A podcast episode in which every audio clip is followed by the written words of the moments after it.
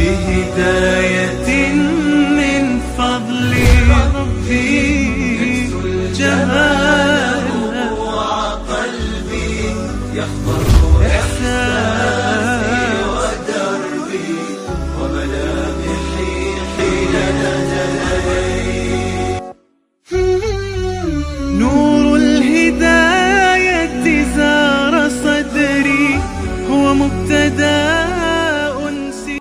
السلام عليكم ورحمة الله وبركاته.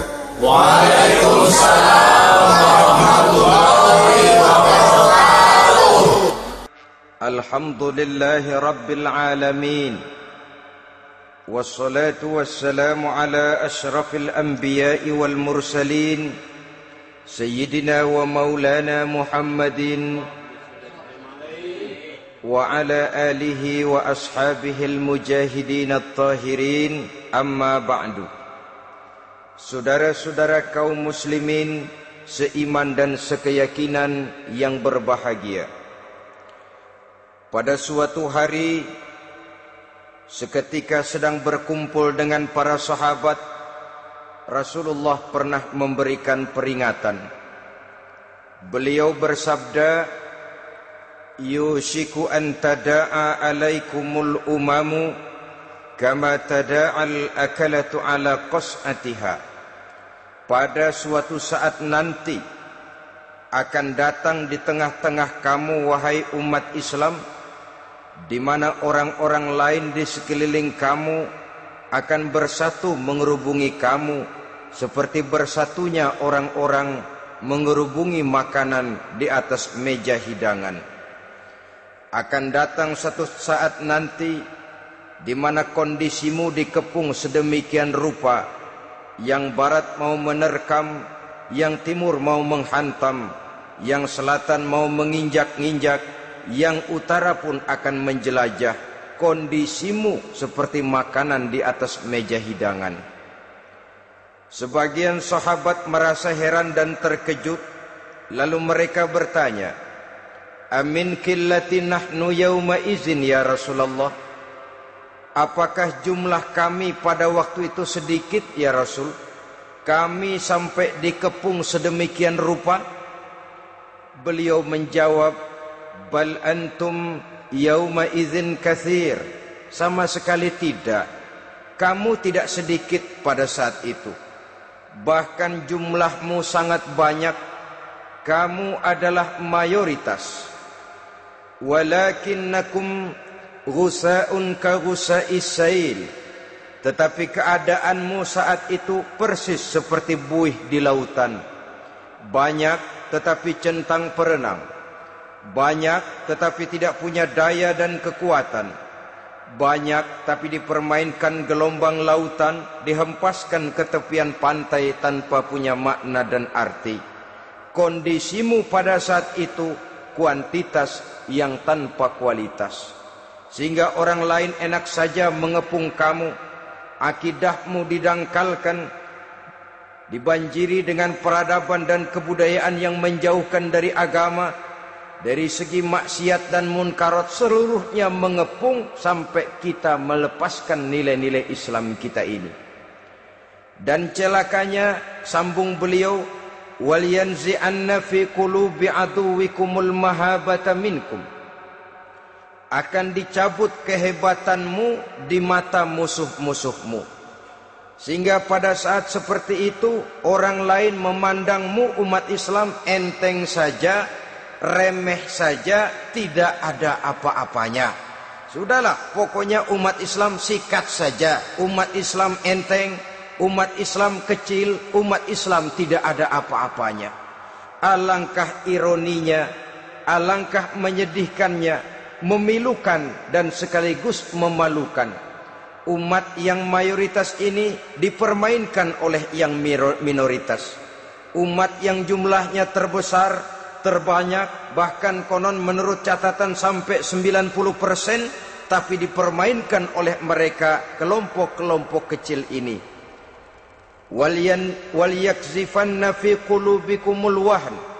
Pada saat itu di hatimu dicampakkanlah penyakit wahan Sahabat kemudian bertanya, "Wa mal wahnu ya Rasulullah?" Apakah penyakit wahan itu ya Rasul? Beliau menjawab, "Hubbud dunya wa karahiyatul maut." Penyakit wahan itu tidak lain hubbud dunya wa karahiyatul maut. Terlalu cinta kepada dunia dan terlalu takut kepada mati. Materialistis dan takut resiko. Dua penyakit inilah yang menyebabkan walaupun umat ini mayoritas tapi dipermainkan oleh yang minoritas. Walaupun dia golongan terbesar tapi nasibnya seperti makanan di atas meja makan. Dari segala macam penjuru mau menghantam dia. Saudara-saudara kaum muslimin yang berbahagia. Ini merupakan analisa sosial bahwa pada satu saat nanti akan terjadi di tengah-tengah umat di mana kita dihantam dan diserbu dari segala macam penjuru akidah didangkalkan peradaban dan kebudayaan dirusak makanan dan minuman diracuni pakaian ditelanjangi dan lain sebagainya sampai kita melepaskan nilai Islam yang kita cintai ini kondisi sosial ini satu saat akan datang kepada kita Demikian analisa dan peringatan dari Rasulullah sallallahu alaihi wasallam. Marilah sekarang kita melihat adalah benar bahwa di zaman sekarang kita insya Allah tidak akan mengalami perang Badar sehebat yang pernah dialami oleh Rasul dan para sahabatnya. Tetapi sesungguhnya perang yang kita hadapi di zaman sekarang ini tidak kalah hebatnya dengan perang Badar, tidak kurang dahsyatnya dengan perang Uhud, tidak kurang ngerinya dari perang Khandaq. Hanya saja yang kita hadapi sekarang ini bukan ujung pedang, bukan ujung tombak, bukan ujung panah. Yang kita hadapi sekarang ini adalah perang akidah, perang ideologi, perang mempertahankan keyakinan. Yang kalau kita kalah sekarang kita memang masih beragama.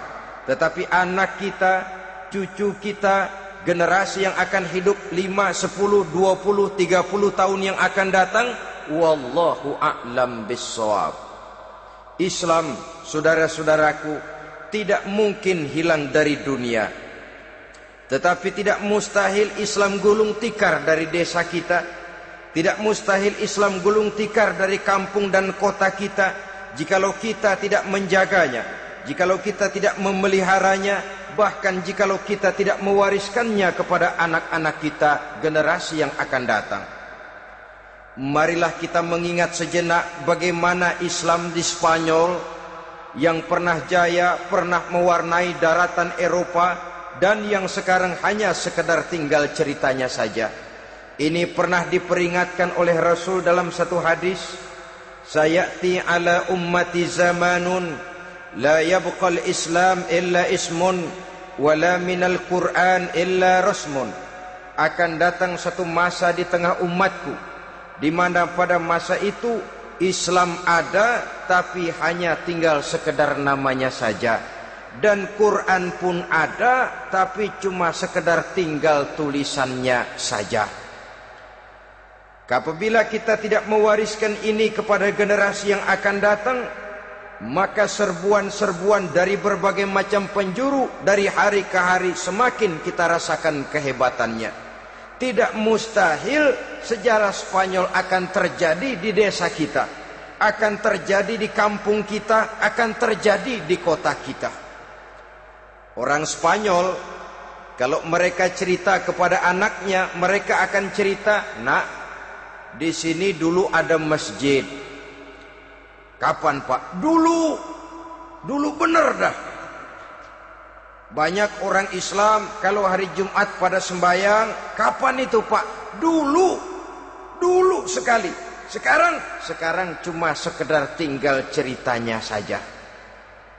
Bukankah sesuatu yang sangat tidak mustahil apabila kita tidak menjaga dan mewariskan Islam ini kepada generasi yang akan datang maka serbuan-serbuan akan membawakan hasil yang diinginkan oleh para penyerbu itu tadi kita sudah menjadi umat yang mayoritas. Tetapi umat yang mayoritas ini menurut Rasul dikepung sedemikian rupa. Akidahnya didangkalkan, peradaban dan kebudayaannya ditekan sedemikian rupa. Kehidupan sosialnya dibuat individualis. Kemudian dari segi pergaulan, pakaian, makanan, minuman dan sebagainya diracuni. Sampai dia tidak lagi berpegang teguh kepada agamanya. Dan dikala itu hilang kehebatan umat ini di mata musuh-musuhnya. Orang lain memandang kita ringan saja, enteng saja satu umat yang sudah kehilangan wibawa. Padahal konon kabarnya kita mayoritas, tapi enak saja dikutak-kutik orang lain. Dan dikala itu di hati kita merajalela penyakit uahan. Penyakit uahan itu apa? Pertama hubbud dunia, terlalu cinta kepada dunia. Terlalu cinta kepada dunia yang menyebabkan kita lupa. Lupa akan tanggung jawab dan kewajiban. Lupa meneruskan dan mewariskan Islam kepada generasi yang akan datang. Kita berlomba, berlomba dan berlomba hanya untuk mengejar dunia dan seluruh isinya. Baik dia bernama material, baik dia bernama seksual, baik dia bernama pangkat, jabatan dan kedudukan, berlomba-lomba kita di dalamnya sampai tercampaklah penyakit hubud dunia di dalam hati ini. Berurat dan berakar dunia itu sulit dan berat kita berpisah daripadanya. Akibatnya kemauan untuk berbuat demi dan atas nama agama sangat sulit terwujud di dalam kehidupan ini. Yang kedua, karohiyatul maut. Terlalu takut kepada mati. Baik mati ajal, mati dalam artian yang sebenarnya, baik mati usahanya, baik mati karirnya, baik mati pangkat dan jabatannya. Sehingga dengan demikian akibatnya jatuhlah kita menjadi umat yang kehilangan wibawa di mata orang lain. Saudara-saudara kaum muslimin rahimakumullah. Saya katakan tadi perang yang kita hadapi di zaman sekarang adalah perang akidah.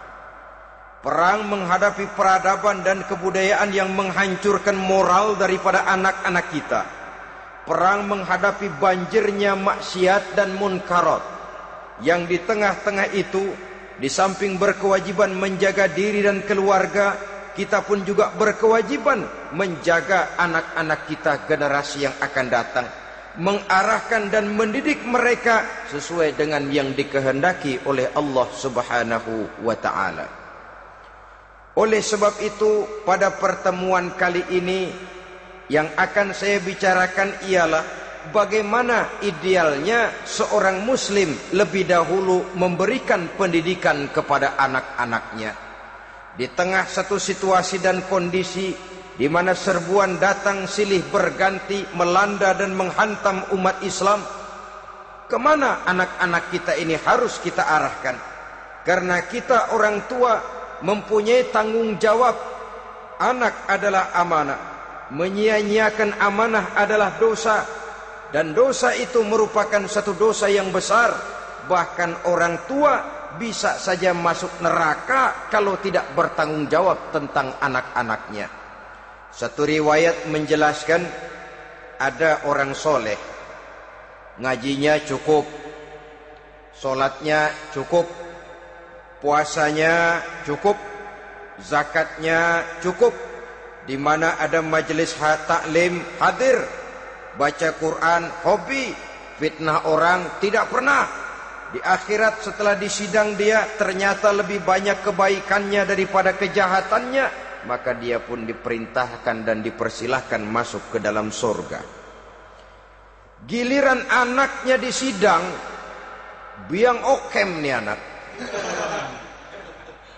Ditanya, siapa Tuhanmu? Tidak tahu. Siapa nabimu? Tenyaho. Apa kitabmu? ora gelem. Kamu pernah sholat? Tidak. Zakat? Tidak. Puasa? Tidak. Judi? Hobi. Zina tiap malam. Mabuk? Berat. Wah, brengsek kamu. Kebaikan tidak ada barang sedikit pun sementara kesalahan dan dosa berlipat ganda. Kamu neraka. Anak ini protes. Benar, saya tidak kenal siapa Tuhan saya. Saya tidak tahu siapa Nabi saya. Saya tidak tahu kitab suci dan kiblat saya. Saya tidak sholat, tidak zakat, tidak puasa. Tiap malam saya judi, saya zina, saya mabuk. Tapi saya kerjakan semua itu karena saya tidak tahu dan orang tua saya tidak pernah memberitahu saya. Dia enak-enakan hadir di majelis taklim, saya nyekek botol didiemin saja. Dia enak-enakan baca Quran, saya zina didiamkan saja. Saya bukan tidak mau orang tua saya sama sekali tidak pernah mendidik saya dia mau benar sendiri. Maka kalau sekarang saya harus masuk ke dalam neraka, saya menuntut agar orang tua saya ikut sama-sama bergabung dengan saya ke dalam neraka. Gara-gara dia tuh saya jadi begini. Orang tuamu yang mana? Tuh, yang barusan mau ke surga. Ini orang tua yang sudah mau berangkat ke surga dipanggil. Sebentar dulu, Mas. Ini ini benar anak kamu? Iya pak. Waktu di dunia kamu tidak pernah ajarin dia ngaji? Oh, oh. Sampai dia tidak kenal Tuhannya, tidak kenal nabinya, tidak kenal kiblat dan kitab sucinya? Iya pak. Dia tidak sholat kamu diamkan saja. Dia tidak puasa, tidak zakat. Kamu bersikap masa bodoh. Bahkan dia judi, dia zina, dia mabuk. Kamu pun berdiam diri saja. Iya pak. Tahukah kamu bahwa anak ini adalah amanah? Menyia-nyiakan amanah artinya khianat dan khianat adalah dosa yang sangat besar. Kamu tidak bertanggung jawab, maka kamu, anakmu gabung ke dalam neraka. Saudara-saudara kaum muslimin rahimakumullah. Itu sebabnya Allah pesan benar-benar Ya ayyuhalladzina amanu ku anfusakum wa ahlikum nara Hai orang-orang yang beriman, jaga dirimu dan keluargamu, istri, anak, orang-orang yang menjadi tanggung jawab dan kewajiban kita, jaga dan pelihara mereka dari api neraka. Saudara-saudara kaum muslimin, lalu kalau kita orang-orang tua yang hidup di zaman sekarang ini sudah sering beristighfar, mengurut dada, melihat situasi, membaca peta keadaan, konon tantangan yang akan dihadapi oleh anak-anak kita 15, 20, 25 tahun yang akan datang jauh lebih berat dari apa yang kita hadapi sekarang ini. Maka adalah wajar jika kita sebagai orang tua yang cinta kepada agama, cinta kepada anak-anak kita berpikir untuk mewariskan nilai-nilai yang luhur ini kepada anak-anak kita generasi yang akan datang. Bagaimana pada mulanya kita harus mendidik mereka? Mari kita telusuri apa yang dicontohkan oleh Al-Quranul Karim. Orang-orang tua bijaksana yang diceritakan dalam Al-Quran, kalau sudah berpikir tentang anak-anaknya generasi yang akan datang, pendidikan pertama yang diberikan kepada anaknya ternyata adalah persoalan akidah. Nabi Ibrahim pertanyaan yang paling merisaukan beliau buat anak cucunya ialah ma ta'buduna min ba'di Saudara bisa lihat surah Al-Baqarah ayat 133 Anak-anakku kalau pada satu saat nanti aku ayahmu ini sudah tidak ada lagi. Meninggalkan kamu semua meninggalkan kehidupan dunia ini ma ta'buduna min ba'di. Apa yang akan kamu sembah nak kalau ayah sudah tidak ada lagi? Jikalau ayahmu sekarang masih rajin ke masjid melakukan rukuk dan sujud i'tikaf dan membaca Quran kalau satu saat ayahmu meninggalkan dunia ini masihkah engkau mau ke dalam masjid Masihkah engkau rukuk dan sujud? Masihkah engkau i'tikaf? Ma ta'buduna min ba'di? Apa yang akan kamu sembah kalau aku ayahmu tidak ada lagi nak? ditanamkan bukan hanya keyakinan bertauhid sekaligus juga menyembah kepada Allah yang kita yakinkan dengan tauhid itu tadi. Bukankah berbeda dengan kita kebanyakan orang tua sekarang? Kita tidak pernah berpikir mata ta'buduna min ba'di. Kalau bapak tidak ada kamu nyembah apa nak? Kita orang tua sekarang pagi-pagi malah berpikir mata ta'kuluna min ba'di. Kalau bapak enggak ada kamu nanti makan apa nak? Bukan nyembah apa yang kita pertanyakan. Bukan nyembah apa yang kita khawatirkan. Makan apa nak? Maka yang dicari lalu sekolah-sekolah yang bonafit. Yang tidak peduli apakah itu merusak imannya, mematikan akidahnya, menghancurkan keyakinannya. Yang penting ada jaminan hari depan bisa dapat lapangan kerja. Akibatnya berduyun-duyun orang-orang tua muslim menyekolahkan anaknya di sekolah-sekolah yang bukan Islam. Yang nyata-nyata membahayakan akidahnya dididik dengan kultur dan budaya yang bertentangan dengan nilai-nilai agamanya. Bukankah ini berarti merelakan anak untuk dikafirkan? Bukankah ini artinya menyerahkan anak untuk ditulis menurut selera para pendidik yang tidak sesuai dengan nilai akidah yang dimilikinya? Mengapa kita tidak berpikir seperti Nabi Ibrahim yang sebelum memberikan pendidikan kecerdasan Sebelum pendidikan matematika, IPS, PSPB dan disiplin ilmu lainnya yang pertama ditanamkan ma ta'buduna min ba'di. Kalau ayahmu tidak ada kamu menyembah apa nak? Menyembah Allah apa nanti malah menyembah harta? Menyembah Allah apa nanti malah mendewa-dewakan pangkat dan jabatan menyembah Allah apa malah nanti menyembah alam itu yang dikhawatirkan Nabi Ibrahim kepada generasi yang akan datang. Dan itu, itu saudara-saudara yang seharusnya mengkhawatirkan kita kepada anak-anak kita generasi yang akan datang. Lihatlah serbuan akidah di zaman sekarang ini. Dimanfaatkan kemiskinan kita umat Islam. Diberikan kita tawaran berupa beras, pakaian, obat-obatan, kalau perlu beasiswa asal bisa melepaskan keislaman kita ini. Bertahap, bertahap, sedikit demi sedikit, step by step. Shibran bi shibrin wa zira'an bi zira'in.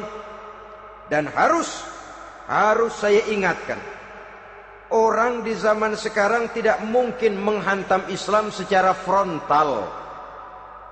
Tidak mungkin menghantam Islam terang-terangan apalagi mengerahkan satuan militer. Tidak. Orang berhitung bagaimanapun kondisi dan kualitasnya umat Islam, mereka masih punya satu modal penting, fanatisme agama. Kalau ini disulut, api jihad segera berkobar dan hanya maut yang bisa menghentikan orang yang dibakar dengan semangat jihad. Orang tahu itu. Betapa Uni Soviet kedodoran menghadapi mujahidin Afghanistan yang disuluh oleh sulut oleh semangat jihad yang berkobar dengan persenjataan yang primitif ketimbang persenjataan Uni Soviet. Entoh mereka pantang surut mundur ke belakang. Jadi jangan mimpi bahwa orang mau menghantam Islam ini dengan melarang pengajian, meruntuhkan masjid, menyegel pondok pesantren. Tidak. Melarang orang sholat tidak. Kalau perlu masjid diperbanyak musola diperbesar. Tapi bikin itu masjid seperti museum. Besar megah mercusuar. Tapi bikin seperti museum. Tempat orang kagum tempat orang memuji tapi sunyi dari nilai-nilai ibadah. Saudara-saudara kaum muslimin untuk sampai kepada penghantaman akidah jalan yang paling mudah dirintis sekarang ini secara bertahap dan sistematis memisahkan umat Islam dari Islamnya. Biarkan biarkan mereka bernama muslim biarkan di atas kartu penduduknya tertulis agama Islam. Tapi tanamkan budaya-budaya yang menyebabkan cara bergaul mereka, cara berumah tangga mereka, cara bertetangga mereka, sampai kepada cara mereka berpakaian, cara mereka bergaul, cara mereka makan dan minum, cara mereka mendidik dan menyekolahkan anak sama sekali tidak lagi mencerminkan nilai-nilai yang islami. Itu sudah satu usaha yang paling praktis. Memisahkan umat Islam dengan Islamnya. Kalau sadarlah kita ke arah ini usaha orang di zaman sekarang. Maka yang harus pertama kita tanamkan kepada anak-anak kita. Didik mereka. Dengan jiwa tauhid yang mengkristal di dalam batinnya. Meresap sampai ke tulang sumsumnya yang tidak akan sampai pun nyawa berpisah dari badannya, akidah itu tidak akan berpisah dari hatinya. Bahkan dia sanggup dengan tegar berkata, lebih baik saya melarat karena mempertahankan iman daripada hidup mewah dengan menjual akidah. Satu khitah, satu garis kehidupan yang perlu kita wariskan kepada anak-anak kita generasi yang akan datang. Dahulu ada satu tradisi, saudara-saudara. Kalau anak gadis kita dilamar orang, orang lalu bertanya, anakmu mau ngelamar gadis saya apa sudah khotam Quran berapa kali? Apa sudah bisa baca kitab macam-macam dan lain sebagainya? Sehingga ada lahirlah satu kebanggaan. Apa pun motifnya, tapi pertanyaan semacam ini zaman sekarang sudah langka. Paling-paling yang ditanya kalau anaknya dilamar orang, anakmu kerja di mana? Gajinya gajinya sebulan berapa? Kendaraannya bebek apa soang apa-apa? Itu yang kita pertanyakan berkitar berkisar di seputar materi, kerja, job, status sosial dan lain sebagainya. Perkara bisa baca Quran atau tidak? Nomor 18 perkara sembayangnya rajin apa tidak? Nomor 36 Saudara hadirin akibatnya terjadi pergeseran nilai. Maka mendidik anak menurut tuntunan Quran adalah seperti yang diberikan contoh oleh Luqmanul Hakim.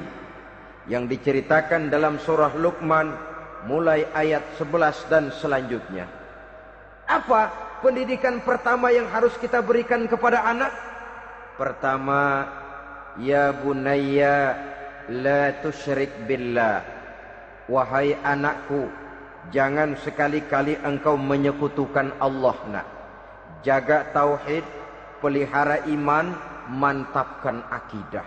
Ini dasar yang pertama. Belum lagi anak mengenal berbagai macam disiplin ilmu yang pertama ditanamkan tauhid. Ini yang mendasari kehidupan. Ini yang akan menjadi mewarnai dan menjadi warna dari kepribadian seseorang. Sentuhan jiwa tauhid di dalam diri si anak. Belum lagi sempat dia kenal yang lain. Yang pertama yang kita tanamkan, kita wariskan, kita berikan.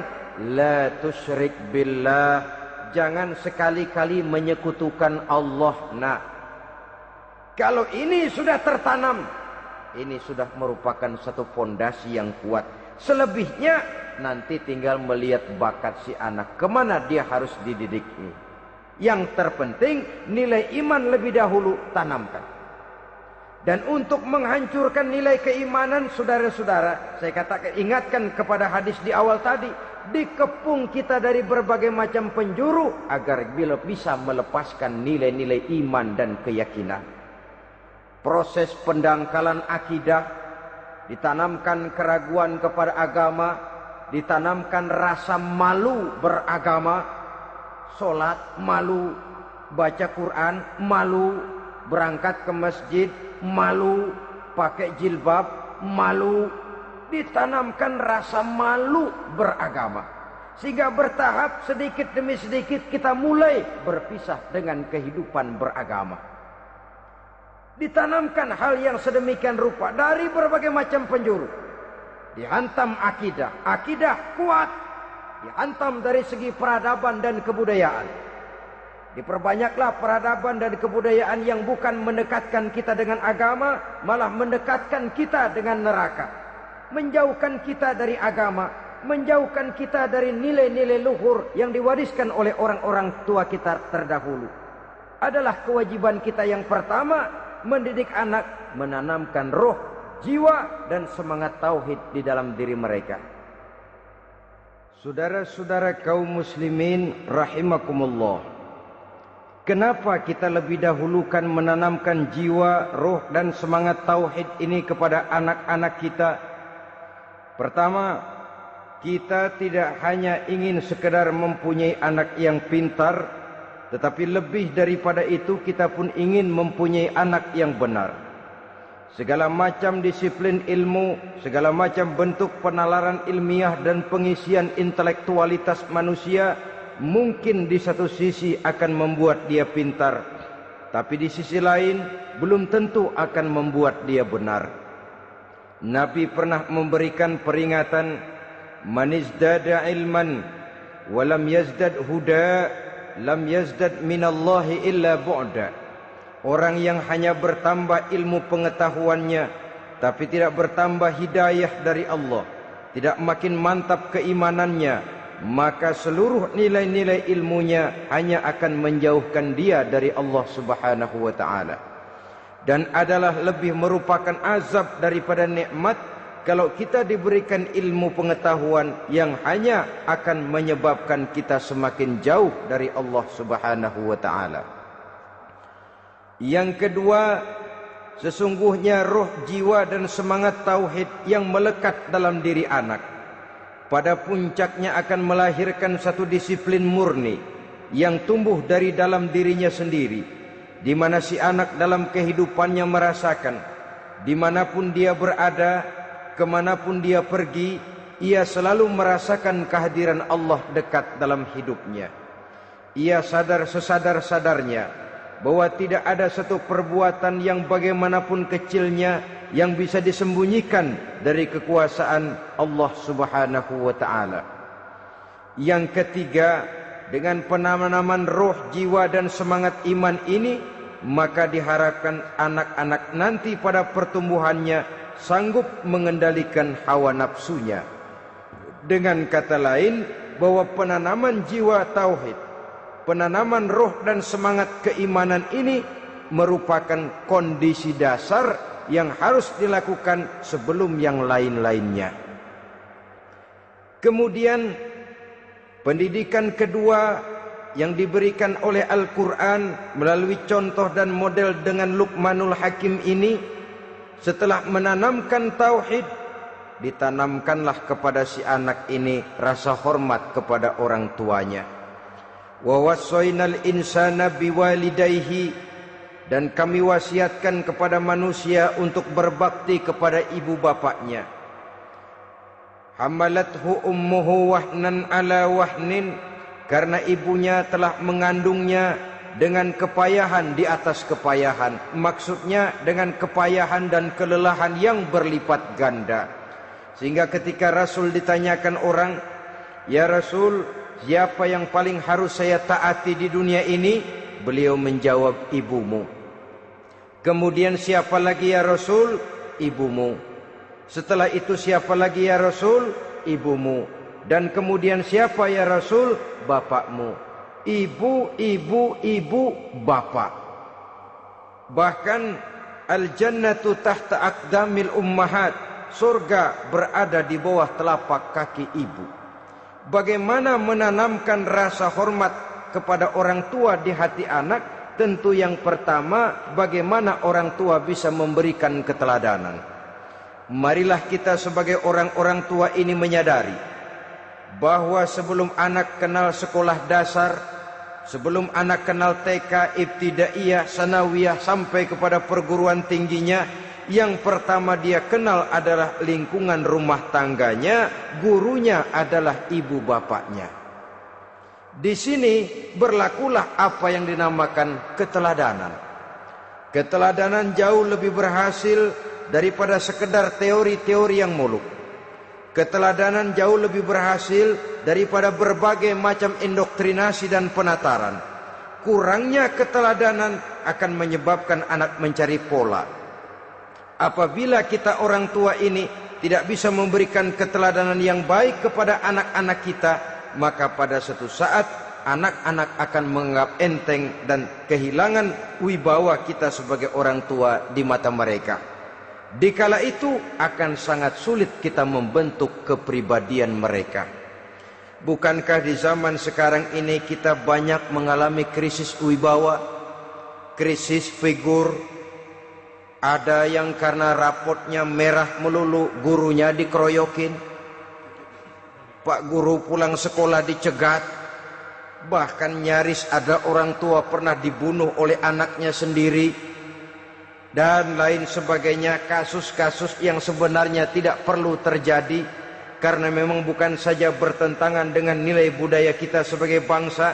Tapi juga bertentangan dengan ajaran agama kita sendiri krisis wibawa, krisis figur yang juga akibatnya harus kita sadari banyak faktor yang membentuk kepribadian anak. Pergaulannya, yang dibacanya, yang ditontonnya, yang disaksikannya di dalam kehidupan. Benar kita menyekolahkan mereka, tapi berapa jam mereka di sekolah? 6 jam, 7 jam paling lama sedangkan mereka hidup satu hari satu malam 24 jam. Kalau cuma 7 jam di sekolah, ini berarti lebih banyak dia di luar sekolah. Dan di luar sekolah itu artinya ya rumah tangganya, ya temannya, ya lingkungan di mana dia tinggal yang seluruhnya sangat besar pengaruhnya dalam ikut membentuk kepribadian anak-anak kita. Saya katakan tadi di samping kita menghadapi perang akidah, kita pun berhadapan di dalam perang menghadapi peradaban dan kebudayaan yang bukan saja menjauhkan kita dari agama, tetapi sanggup menghancurkan moral daripada anak-anak kita. Secara pribadi, saudara-saudara, saya iri, saya kagum misalnya dengan kemajuan yang diperoleh oleh negara tetangga kita Jepang misalnya. Padahal tahun 45 ia pun hancur lebur oleh meledaknya atom di Hiroshima dan Nagasaki. Tapi bagai satu tenaga raksasa kemudian Jepang bangkit. Menjadi satu negara superpower di Asia. Bahkan gurunya saja Amerika sekarang ini kewalahan menghadapi perang dagang dengan Jepang ini. Dan yang menarik Jepang bisa maju dan modern dengan tetap menjadi Jepang tanpa harus kehilangan identitasnya sebagai satu bangsa tanpa harus kehilangan kepribadiannya sebagai satu bangsa sebagai negara yang sedang berkembang kita sering latah kita ingin meniru barat tapi bukan teknologinya westernisasinya yang kita tiru bukan isinya kulitnya yang kita ambil. Akibatnya apa? Modernnya belum, orangnya sudah barat. Bergaulnya sudah cara barat, berumah tangganya sudah cara barat, berpakaiannya sudah cara barat, mendidik anaknya sudah cara barat. Di mana ketemu orang tua cukup hello daddy. Kulitnya kita ambil, sementara isinya kita campakkan ironi dan menyedihkan. Padahal kita sesungguhnya bisa maju dan modern, bisa mengejar segala ketinggalan dan keterbelakangan kita dengan tetap menjaga nilai-nilai luhur budaya kita sebagai satu bangsa, mengambil isinya dan kalau memang tidak perlu lalu mencampakkan kulitnya. Pengaruh peradaban dan kebudayaan yang menghancurkan moral daripada anak-anak kita oleh pesatnya arus teknologi oleh pesatnya arus komunikasi di mana hal-hal yang terjadi di belahan dunia lain dapat kita saksikan hari ini juga melalui layar televisi yang terjadi di Amerika, di Eropa, di Afrika, di ujung dunia yang paling ujung sekalipun. Di ujung dunia yang paling ujung hari ini kejadian, hari ini sudah bisa kita saksikan. Pesatnya arus komunikasi kalau jatuh ke tangan anak-anak kita yang belum mempunyai filter daya saring positif akan dicerna oleh mereka tanpa memilah dan memilih Akibatnya orang kampung bilang kelolodan. Makan nggak dikunyah lagi, tentu saja akhirnya kelolodan dan kalau sudah kelolodan menyusahkan kita seluruhnya. Oleh karena itu budaya menghormati orang tua perlu dijaga, perlu dipelihara dan diwariskan kepada anak-anak kita. Tali silaturahmi sehingga ada respeknya kepada orang tuanya. Jangan bapaknya dianggap CS. Ibunya dianggap CS, kakeknya dianggap CS. Hilang rasa respek, hilang rasa menghormati. Sementara orang tua sendiri tidak bisa memberikan keteladanan, kurang mendapat perhatian dan lain sebagainya. Apalagi kalau baik ibu maupun bapak adalah orang-orang karier yang setiap hari sibuk menghadapi tugas masing-masing. Bapak sibuk rapat, pindah kantor sana kantor sini, ibu sibuk arisan, besarlah anak-anak di tangan pembantu dan lain sebagainya sehingga dia merasa kurang mendapat perhatian dan ini akan ikut membentuk warna dari kepribadian yang dimilikinya. Sampai kepada pelosok-pelosok desa, jaringan televisi memang menguntungkan.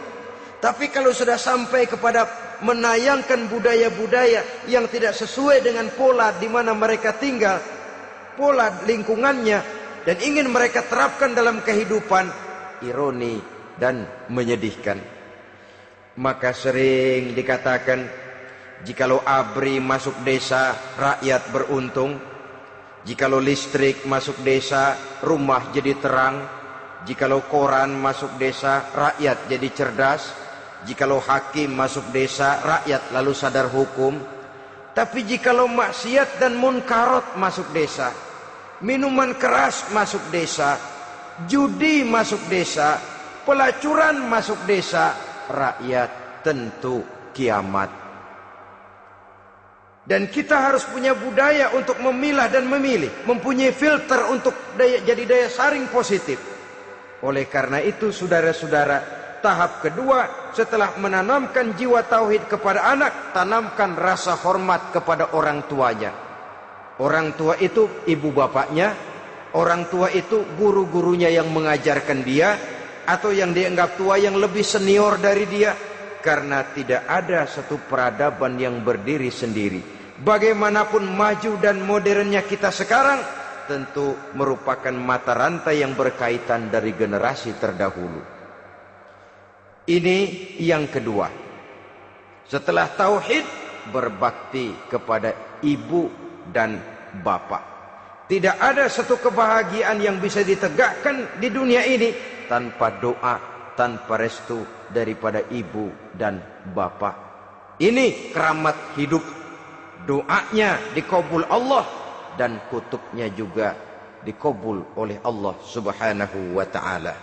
Jadi mendidik anak setelah menanamkan jiwa tauhid, menanamkan rasa hormat dan taat berbakti kepada ibu bapaknya. Itu yang kedua. Kemudian yang ketiga, Melalui model Luqman, Quran mendorong kita untuk mendidik anak menanamkan etika otonom. Apa itu? Ya bunayya innaha in takum mithqala habbatin min khardalin fatakun fi sakhratin aw fis samawati aw fil ardi ya'ti biha Allah. Wahai anakku, sesungguhnya kalau ada satu kebaikan yang kamu kerjakan, kecil tidak nampak oleh pandangan mata yang zahir. Yang kecil itu tersembunyi di puncak langit di dasar bumi yang paling dalam atau di tengah batu hitam sekalipun Allah pasti mengetahuinya dan pasti akan memberikan balasan yang seadil-adilnya. Pendidikan apa ini? pendidikan moral. Menanamkan etika otonom. Nah kau berbuat baik jangan karena dilihat orang Kau melakukan tidak mau melakukan kejahatan jangan cuma karena ada polisi. Kalau ada polisi kau tidak mau jahat, kucing juga begitu. Coba lihat kucing. Taruh ikan asin di piring kaleng, tongkrongin. Aduh kucing kalem. Sopan, tenang. Sedikit kita lengah habis ikan digarap. Tapi ditanamkan satu kesadaran ke mana pun kau pergi nak, apa pun yang kau kerjakan tersembunyi di tengah batu, di dasar bumi, di puncak langit, Allah pasti tahu.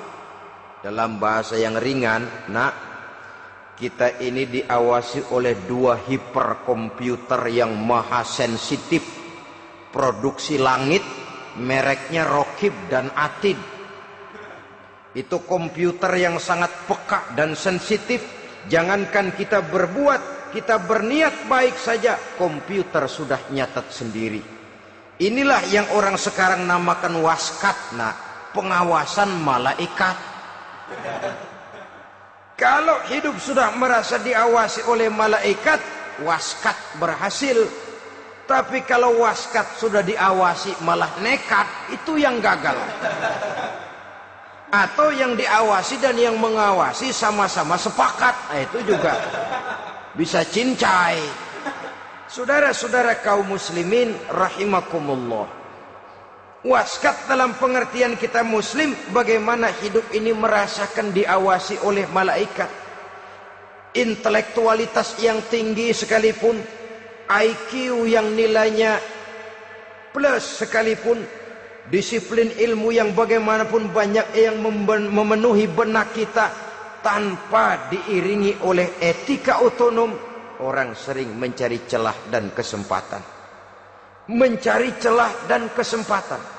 Tapi kalau sudah merasa ke mana pun saya pergi di mana pun saya berada kebaikan bagaimanapun sekecilnya saya lakukan toh Allah pasti akan memberikan balasan in khairan fa khairun. Wa in syarran fa syarrun. Jikalau baik baik balasan yang kita terima. Jikalau jahat jahat kejahatan yang kita terima. Kalau sudah ke arah ini kita berpikir maka sesungguhnya kalau kita berbuat baik kepada orang lain hakikatnya kita sudah berbuat baik kepada diri kita sendiri. Lalu tidak ada merasa rugi berbuat baik kepada orang karena manakala dia melakukan kebaikan kepada orang lain, artinya dia sudah berbuat baik untuk dirinya sendiri. Jadi setelah tauhid, kemudian berbakti kepada ibu bapak, yang ketiga baru pendidikan tentang akhlak, tentang moral. Pola ini yang sering terlupakan oleh kita bahwa bagi kita itu pendidikan tidak lain upaya mencerdaskan otak anak Jangan sampai sebab ini kelihatannya pembangunan makin maju, persaingan hidup makin tajam, tensi ekonomi semakin tinggi. Sementara jumlah tenaga kerja dengan lapangan kerja yang tersedia jauh dari mencukupi. Jikalau tidak membekali anak dengan pendidikan yang menunjang lapangan pekerjaan, orang tua khawatir, takut sekali anaknya jadi gelandangan dikhawatirkannya kehidupan dunia ini sementara dia lupa kalau anaknya bisa jadi gelandangan di akhirat. Padahal selama-lamanya gelandangan di dunia paling seumur manusia itu 60 tahun 70 tahun lah umur orang sekarang. 70 itu sudah sudah luar biasa itu.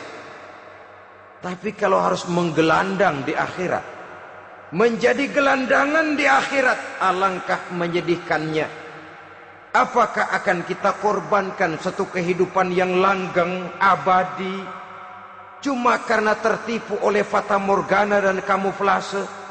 Kita korbankan yang sedikit, kita korbankan yang besar karena kita memilih yang sedikit. Dalam bahasa Al-Quran memang pernah diceritakan hidup ini hakikatnya perlombaan, saudara-saudara. Perlombaan dan di dalam perlombaan itu ada yang menang, ada yang kalah.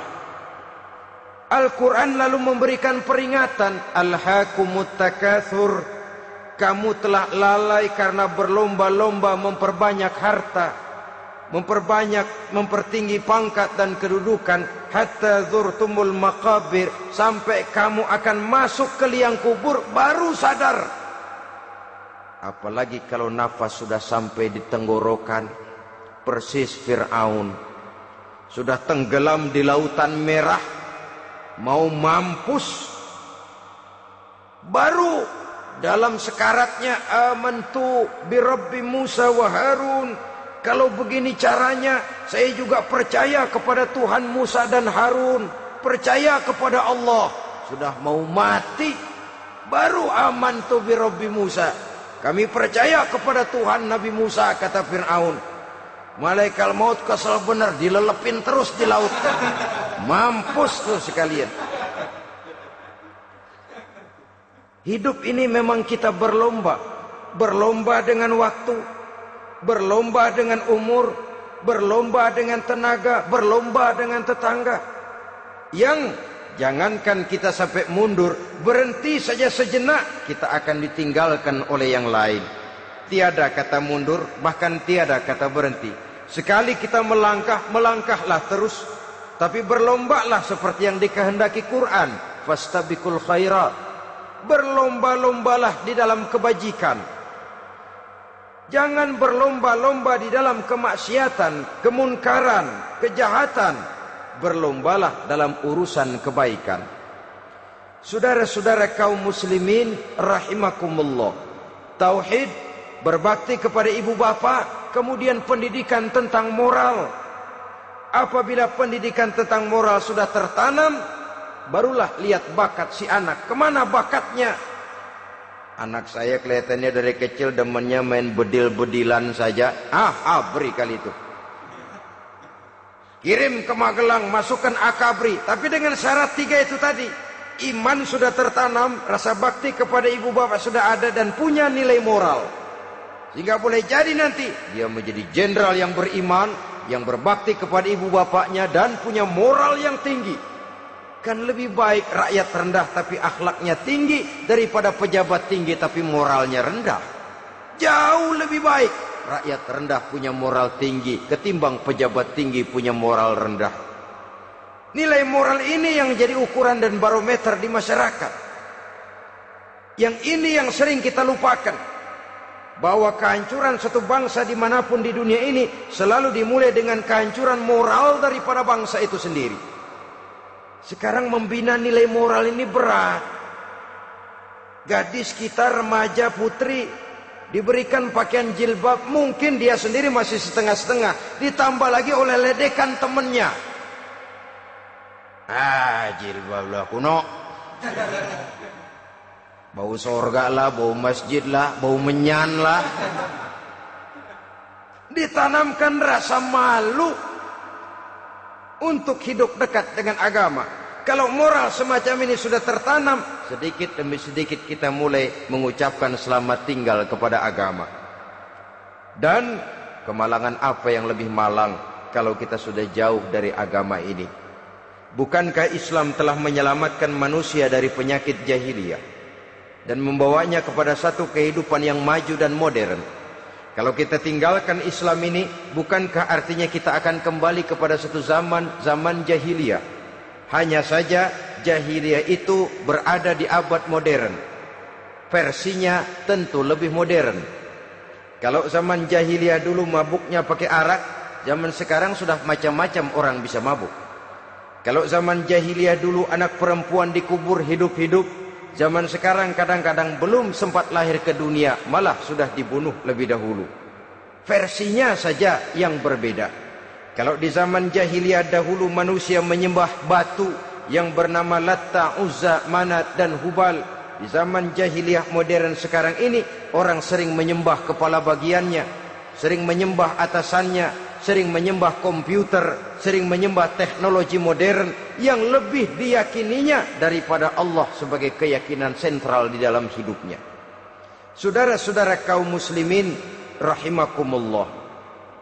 Jadi yang ketiga, nilai moral yang ditanamkan kepada anak-anak kita supaya dia bisa menghadapi tantangan-tantangan hidup yang semakin berat ini dengan tetap berpegang teguh kepada nilai-nilai moral yang diwarnai oleh jiwa keimanannya yang bersumber dari ajaran agamanya. Tiga. Kemudian yang keempat, barulah tatanan kehidupan sehari-hari. Apa kata Luqman? Ya bunayya aqimis sholah. Setelah bertauhid, berbakti kepada ibu bapa, punya nilai moral. Ya bunayya aqimis sholah. Nak dirikan solat rumah tangga muslim Anak berumur tujuh tahun sudah berani meninggalkan solat. Kata Nabi, pukul. Bukan untuk menyakiti, untuk mendidik. Karena sayang kepada anak. Saudara-saudara, kita khawatir betul kepada anak. Kalau dia pulang dari sekolah, buru-buru kita sebagai orang tua bertanya, sudah makan nak? Sudah istirahat nak? Tapi jarang kita sebagai orang tua melontarkan, sudah sholat nak? Bahkan kita bisa memberikan sugesti kepada anak. Nah, kalau kau naik kelas 1 sampai kelas naik ke kelas 2, Bapak beliin sepeda. Tamat SD nak, motor. Tamat SMP nak, ke Bali kita. Tamat SMA nak, Singapura. Saudara-saudara, tapi kalau untuk urusan sholat misalnya, kita tidak pernah memberikan sugesti kepada anak-anak kita. Nah, kalau kau hafal fatihah lengkap dengan artinya, bapak beliin sepatu. Nah, kalau kau bisa sholat dengan baik, cukup syarat rukunnya, bapak beliin sepeda. Ada rangsangan, ada sugesti yang membuat anak lebih tergerak untuk hidup dalam suasana keagamaan. Ya bunayya akimis sholat, nak dirikan sholat. Sebab ini sandaran vertikal yang paling langsung antara manusia dengan Tuhannya. Menyadari bahwa sepanjang yang bisa dilakukan oleh manusia hanyalah berusaha dan berusaha. Dan kepastian sepenuhnya ada di tangan Allah. Dengan solat kepribadianmu diperteguh. Dengan solat sandaran vertikalmu kepada Allah diperkuat. Dan pada waktunya nanti Al-Quran memberikan bimbingan hendaklah minta tolong kepada Allah dengan sabar dan tetap mendirikan solat. Ya bunayya akimis solat. Setelah itu wa'mur bil ma'rufi wanha 'anil munkar. Tegaklah membina yang ma'ruf tegaklah mencegah yang munkar. Ini sikap hidup sudah. Solat tadi tugas hidup. Lalu sikap hidup tampil di tengah masyarakat membina yang ma'ruf, mencegah yang munkar sesuai dengan kesanggupan masing-masing. Bukankah setiap kita punya kepingin punya anak yang bermanfaat? Setidaknya bagi keluarganya, syukur kalau bisa bagi lingkungannya, bagi masyarakat bangsa dan negaranya. Dan satu di antara tanda orang yang bermanfaat, kalau dia bisa hidup menjadi penganjur yang ma'ruf dan pencegah yang munkar. Dan itu kalau tidak ada hidayah sulit orang mau melaksanakan itu. Sebab apa? Ada kecenderungan belakangan ini di mana agama dianggap urusan pribadi. Sehingga orang lalu sering bilang, jangan bawa-bawa agama dah, itu kan bukan urusan agama. Ini sudah ciri berpikirnya sekuler. Jangan bawa-bawa agama. Agama urusan pribadi, artinya orang mau sholat mau enggak jangan bilang apa-apa dah. Urusan dia sendirian. Dia mau puasa dia enggak, merdeka saja urusan pribadi. Agama agama bukan persoalan pribadi. Apalagi jika sudah menyangkut amar ma'ruf dan nahi munkar. Siap menegakkan yang baik, mencegah yang munkar untuk tegaknya satu masyarakat yang diwarnai oleh kebaikan dan terhindar dari segala macam kejahatan.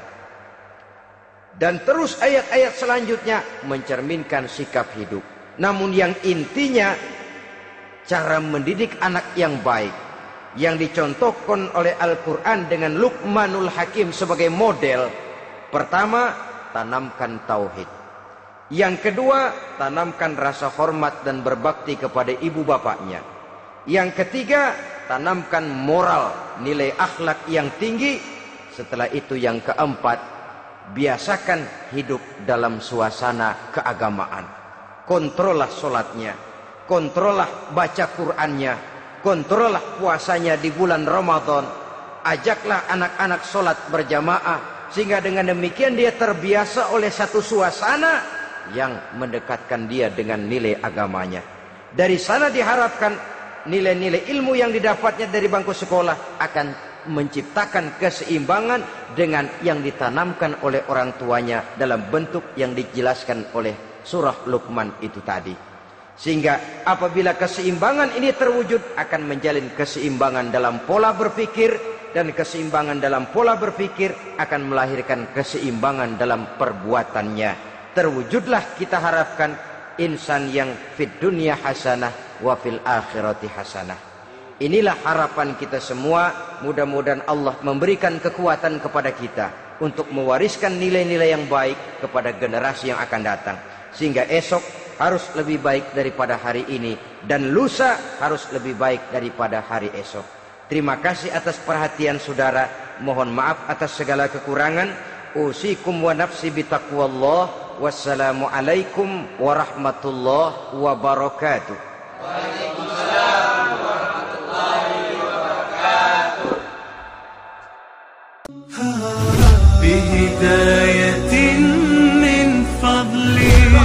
في جهاد